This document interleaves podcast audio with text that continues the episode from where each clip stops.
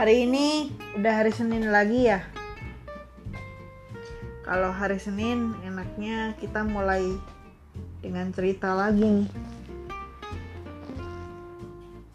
Tapi enaknya kita cerita apa ya Senin ini? Hmm. Kita bikin rekam jejak bentar yuk. Aku bikin rekam jejak sih ini. Jadi rekam jejaknya adalah kemarin itu tanggal 10 Mei 2020. Kemarin adalah minggu ke-8 untuk kita kebaktian minggu secara online. Kalau udah minggu ke-8, artinya hari Senin ini adalah hari ke-57. Kita ada di rumah aja. Aku sih di rumah aja. Nggak tahu kalau teman-teman mungkin ada yang sama sama aku. Start dari 16 Maret di rumah aja atau enggak kalau startnya 16 Maret berarti 57 hari. Terus sekarang sampai saat ini kita belum tahu kapan pandemi ini berakhir dan kapan kita bisa keluar itu yang jadi fakta nih. Dan sedikit rekam jejak dari aku ya begitu. Sekarang kalau aku ditanya apakah aku sedih atau enggak sih dengan kondisi kayak gini?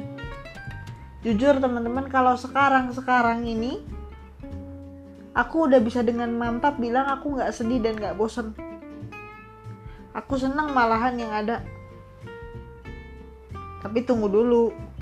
Senengnya bukan karena coronanya masih ada, tapi ya aku ngerasanya seneng aja. Itu yang aku rasa. Nggak ada beban atau rasa jenuh gitu nggak ada. Sekarang ini ya rasa kayak gitu tuh udah nggak ada sama sekali lah. Terus kalau kayak gitu apa yang aku rasain sekarang? Yang aku rasa ya seneng aja. Happy gitu pokoknya. Bahkan sampai hari ini aku masih bisa terus melihat dan menemukan hal-hal menarik dari pandemi ini. Hal-hal menariknya tentu saja orang jadi kreatif macam-macam teman-teman. Ya lihat kondisi seperti itu aku merasa nggak ada yang perlu dibuat jadi bosan dan aku bersyukur karena Tuhan menganugerahkan kepadaku rasa yang seperti ini. Menurutku rasa ini keren banget sih. Dan memang patut disyukuri karena nggak semua orang bisa rasain rasa yang kayak gini kalau ditanya apa rahasianya itu aku dapat dari Tuhan. Tuhan yang kasih perasaan itu sama aku. Tapi memang karena aku juga minta sih. Belakangan ini aku minta hal itu sama Tuhan di dalam setiap doa aku. Aku minta sama Tuhan supaya aku nggak dikasih kejenuhan dan gak dikasih rasa sedih. Yang ada sukacita dan syukur. Jadilah kayak begini. Nah tapi menarik loh teman-teman. Menariknya adalah perasaan yang aku alami sekarang ini sejalan dengan kebaktian kita selama masa pandemi berlangsung? Ada yang perhatikan nggak? Tema-tema ibadah online kita itu apa kalau teman-teman perhatiin tema-temanya selama ibadah online itu selalu bicaranya berkaitan tentang pengharapan Allah itu baik Allah yang menjaga Allah yang punya rancangan terbaik untuk setiap kita. Pokoknya tema-temanya itu tentang pengharapan Artinya, kalau teman-teman jeli di minggu-minggu ini, di masa-masa ini setiap hari Minggu kita diingatkan untuk mempercayakan hidup kita sepenuhnya kepada Tuhan. Kenapa? Karena Tuhan punya rencana yang baik untuk kita semua. Nah, ibadah minggu kemarin juga sama kan? Teman-teman ada yang masih ingat nggak? Kemarin kita bahas tentang apa? Kebaktiannya bahas tentang apa? Khususnya di GKI. Karena aku ibadahnya di GKI sih. Kalau ibadah di GKI itu tema kita kemarin adalah keberanian menjalani hidup. Nah, lewat tema ini kita diingatkan untuk memiliki keberanian untuk menghadapi kehidupan. Apa dasar keberaniannya? Tentu karena kita tahu bahwa kita sudah memilih dan berada di jalan yang benar. Jalan yang menuju kehidupan kekal. Dan itu pilihan itu kita lakukan secara sadar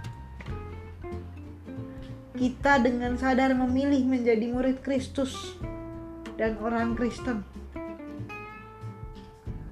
Pertanyaannya, apakah kalau kita sudah memilih jalan itu dan kita sudah berada di jalan yang benar sekarang, persoalannya tiba-tiba pergi, hilang dalam sekejap gitu? Tentu enggak. Buktinya sampai hari ini kita masih mengalami itu yang namanya lika-liku kehidupan ya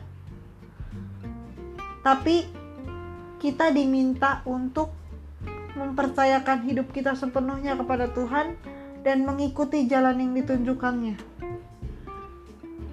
Itulah dasar keberanian kita untuk menjalani hidup.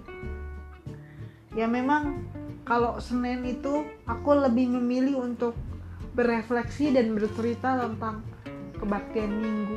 Karena menurutku sebuah hal yang sangat disayangkan kalau kita kebaktian tapi kita nggak merefleksikan ulang dan meresapi itu dan juga menghidupi itu di dalam keseharian hidup kita.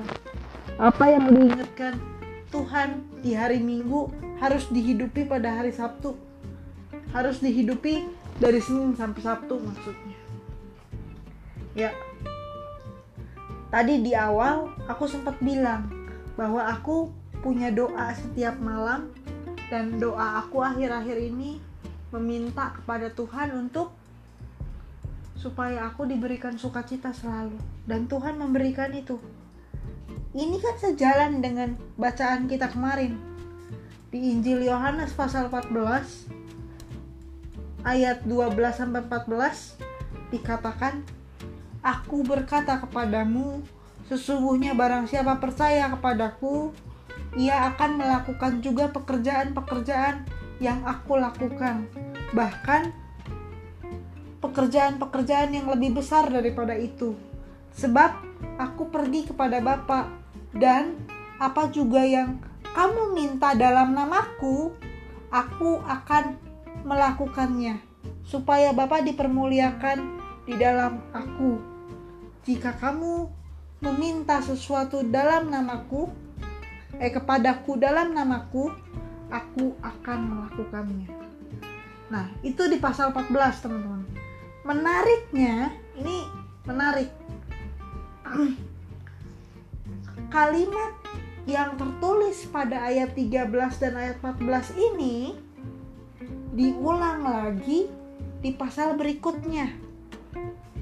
Kalau teman-teman ada Alkitab, coba perhatikan Alkitabnya di Yohanes 15 ayat 7 sampai 8. Ini cerita tentang pokok anggur yang benar. Nah, menarik nih. Aku baca pelan-pelan ya. Yohanes 15 ayat 7 sampai 8 katanya begini jikalau kamu tinggal di dalam aku dan firmanku tinggal di dalam kamu mintalah apa saja yang kamu kehendaki dan kamu akan menerimanya dalam hal inilah Bapakku dipermuliakan yaitu jika kamu berbuah banyak dan dengan demikian kamu adalah murid-muridku. Senada ya. Jadi kita harus punya keberanian untuk hidup karena itu.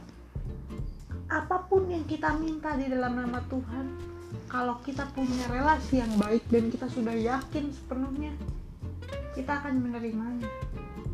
Dan kekuatan ini yang menolong kita untuk menjalani hidup dengan berani. Pada bagian lain dalam Roma 8 ayat